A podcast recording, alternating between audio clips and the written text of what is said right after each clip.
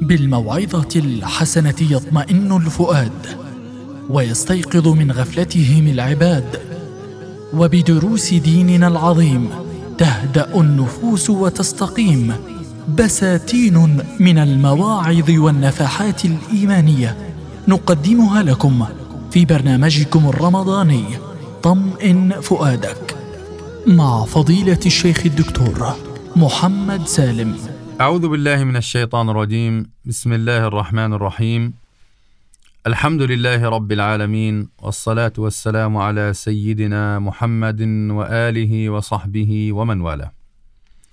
مستمعي الأكارم مستمعو إذاعة الشباب أسعد الله أوقاتكم بكل خير. وتقبل الله تعالى منا ومنكم صالح الأعمال. وإننا لنسعد بلقائكم عبر هذه الموجة. ضمن برنامج طمئن فؤادك. لنتحدث في هذه الحلقة في ظلال موضوع لا بد لكل مسلم أن يعمل به وأن يداوم عليه لأنه يحقق وجها عظيما من وجوه عبادة الله تعالى. إنه عبادة الدعاء. فمعنى الدعاء أن يستدعي العبد عناية ربه تعالى ويطلب معونته وفيه معنى الثناء على الله عز وجل وإضافة الجود والكرم إليه سبحانه وتعالى.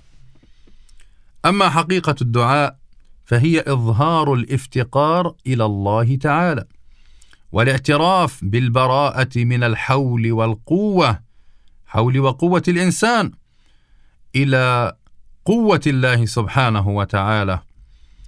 والدعاء سمة العبودية وإظهار الذله البشرية للخالق عز وجل. بالدعاء يعرف الإنسان قدره من ربه سبحانه وتعالى. حينما يتذلل إلى الله حينما يخضع بين يدي الله سبحانه وتعالى حينما يرفع يديه إلى الله عز وجل يطلب حاجته. نعم تتحقق في هذا حقيقة الافتقار إلى الله تعالى في كل أمر من أمور الإنسان. أقسام الدعاء ينقسم الدعاء إلى قسمين. القسم الأول دعاء العبادة. ويكون بجميع أنواع العبادة الظاهرة والباطنة. من الأقوال والأعمال والنيات التي تملأ القلوب بعظمة الله تعالى وجلاله.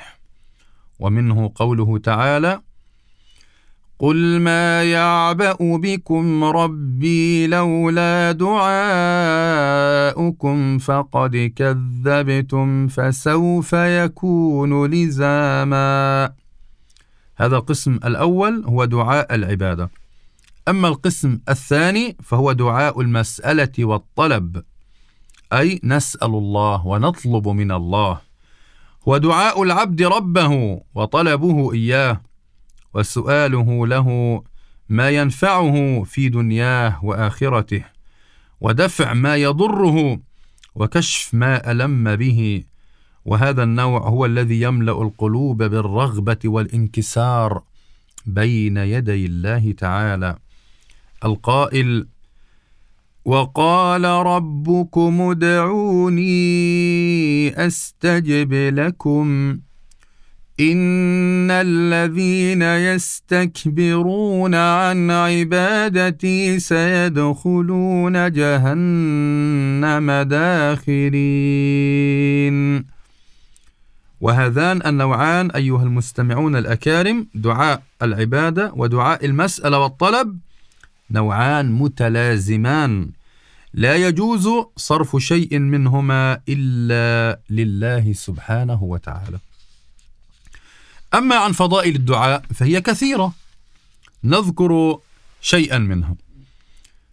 اولا الدعاء سنة الأنبياء والمرسلين وهي دأب الأولياء والصالحين.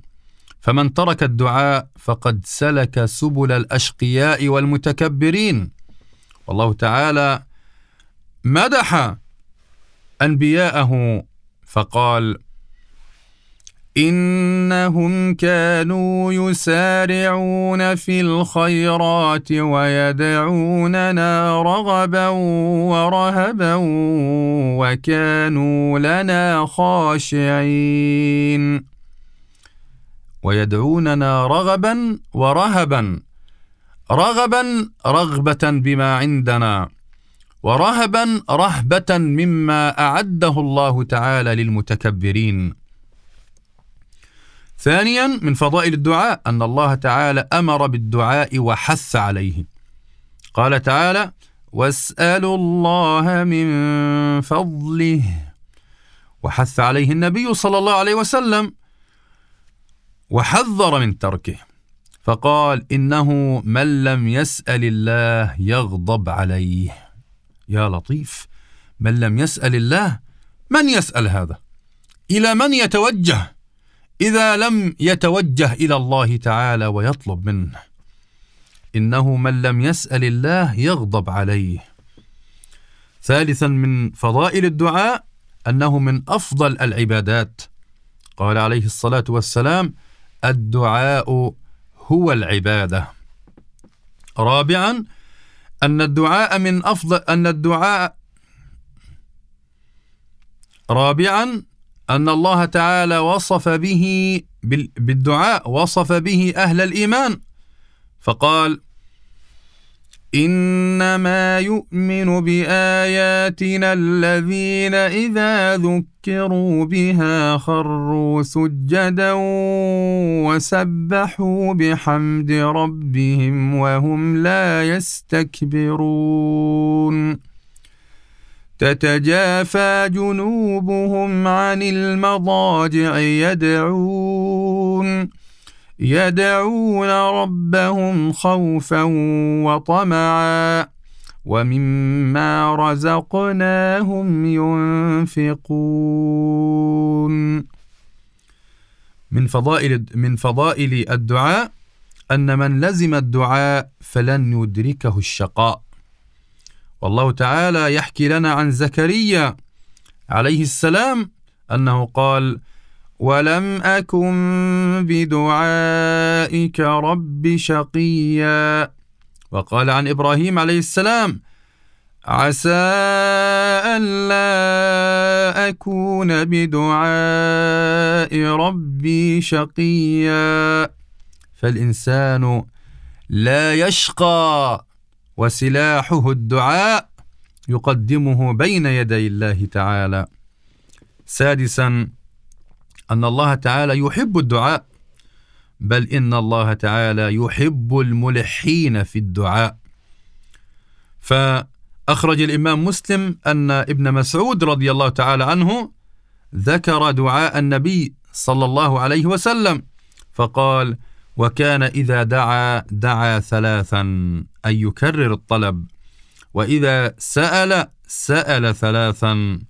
قال الإمام النووي رحمه الله فيه أي في تكرار الدعاء. فيه استحباب تكرير الدعاء ثلاثا. وسابعا من فضل الدعاء أن كل الدعاء خير. قال صلى الله عليه وسلم ما من مسلم يدعو بدعوة ليس فيها إثم ولا قطيعة رحم إلا أعطاه الله بها إحدى ثلاث. إما أن تعجل له دعوته. وإما أن يدخرها له في الآخرة وإما أن يصرف عنه من السوء مثلها. قالوا إذا نكثر أي نكثر من الدعاء ومن الطلب. فقال لهم النبي عليه الصلاة والسلام الله أكثر. أي أنتم تكثرون الطلب من الله تعالى والله يكثر لكم في العطاء. سبحانه وتعالى. واعلموا أيها المستمعون الأكارم أن هناك بعض الأمور تكون مانعا لإجابة الدعاء. أولا الشرك. الشرك بالله سبحانه وتعالى. أو الشرك الشرك في الدعاء نفسه. فلا بد من إخلاص النية. فإخلاص النية شرط لصحة الدعاء. قال الله تعالى هو الحي لا إله إلا هو فادعوه مخلصين له الدين. الحمد لله رب العالمين. وإذا استجاب الله تعالى دعاء فيه شرك فهو من باب فتنة الداعي واختباره. وليس دليلا على مشروعيته. والآية الكريمة أعطتنا إفادة لطيفة جميلة. لما أمرنا الله بالدعاء فقال فادعوه مخلصين له الدين. قال بعدها الحمد لله رب العالمين. لكي يدلنا على أن أفضل الدعاء أن تقول الحمد لله رب العالمين. من موانع إجابة الدعاء الاستعجال. وهو أن يقول الإنسان دعوت ودعوت فلم يستجب لي. قال النبي صلى الله عليه وسلم يستجاب لأحدكم ما لم يعجل. يقول دعوت فلم يستجب لي. فلا نستعجل بل نكون على يقين أن الله تعالى لا يقدر لنا إلا الخير ولا يأتي من عند الله تعالى إلا الخير. وإن أخر الإجابة فما تأخيرها إلا لحكمة يريدها الله سبحانه وتعالى. ثالثا من موانع الدعاء الدعاء بالإثم أو بقطيعة الرحم. قال النبي صلى الله عليه وسلم: لا يزال يستجاب للعبد ما لم يدع بإثم أو قطيعة رحم. وهناك بعض الآداب التي يحسن أن نستحضرها عند الدعاء. هذه الآداب كثيرة، منها الطهارة، أن يكون الإنسان متوضئا. ثانيا الإخلاص في الدعاء. ثالثا استقبال القبلة. أربعة تحري الأوقات والحالات الفاضلة كالسجود والصيام والسفر ولقاء العدو وفي جوف الليل وبين الأذان والإقامة ويوم الجمعة فهذه كلها أوقات فاضلة وأحوال فاضلة.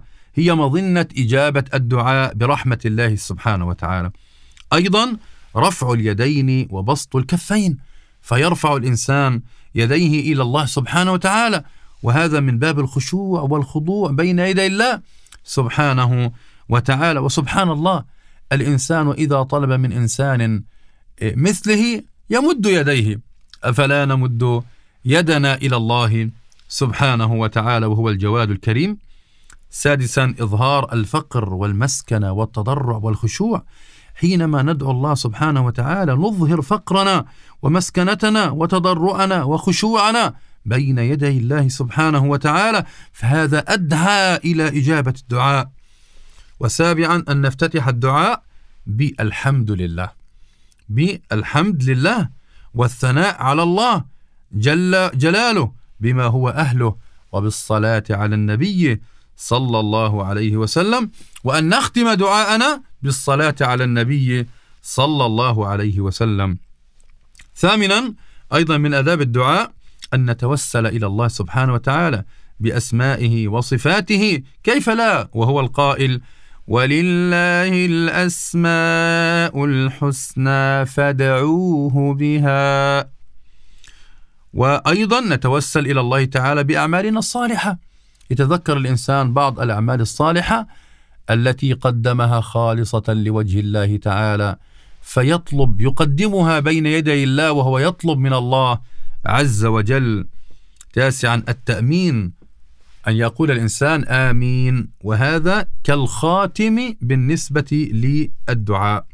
وعاشرا مداومة الطلب لا نيأس من عدم الإجابة ولا نيأس من الطلب بل نكثر ونلح على الله سبحانه وتعالى وظننا بالله ظن الخير أن الله تعالى إن عجل فخير لنا وإن أخر لنا في الدنيا فخير لنا وإن ادخر لنا الدعاء في الآخرة فهو خير لنا.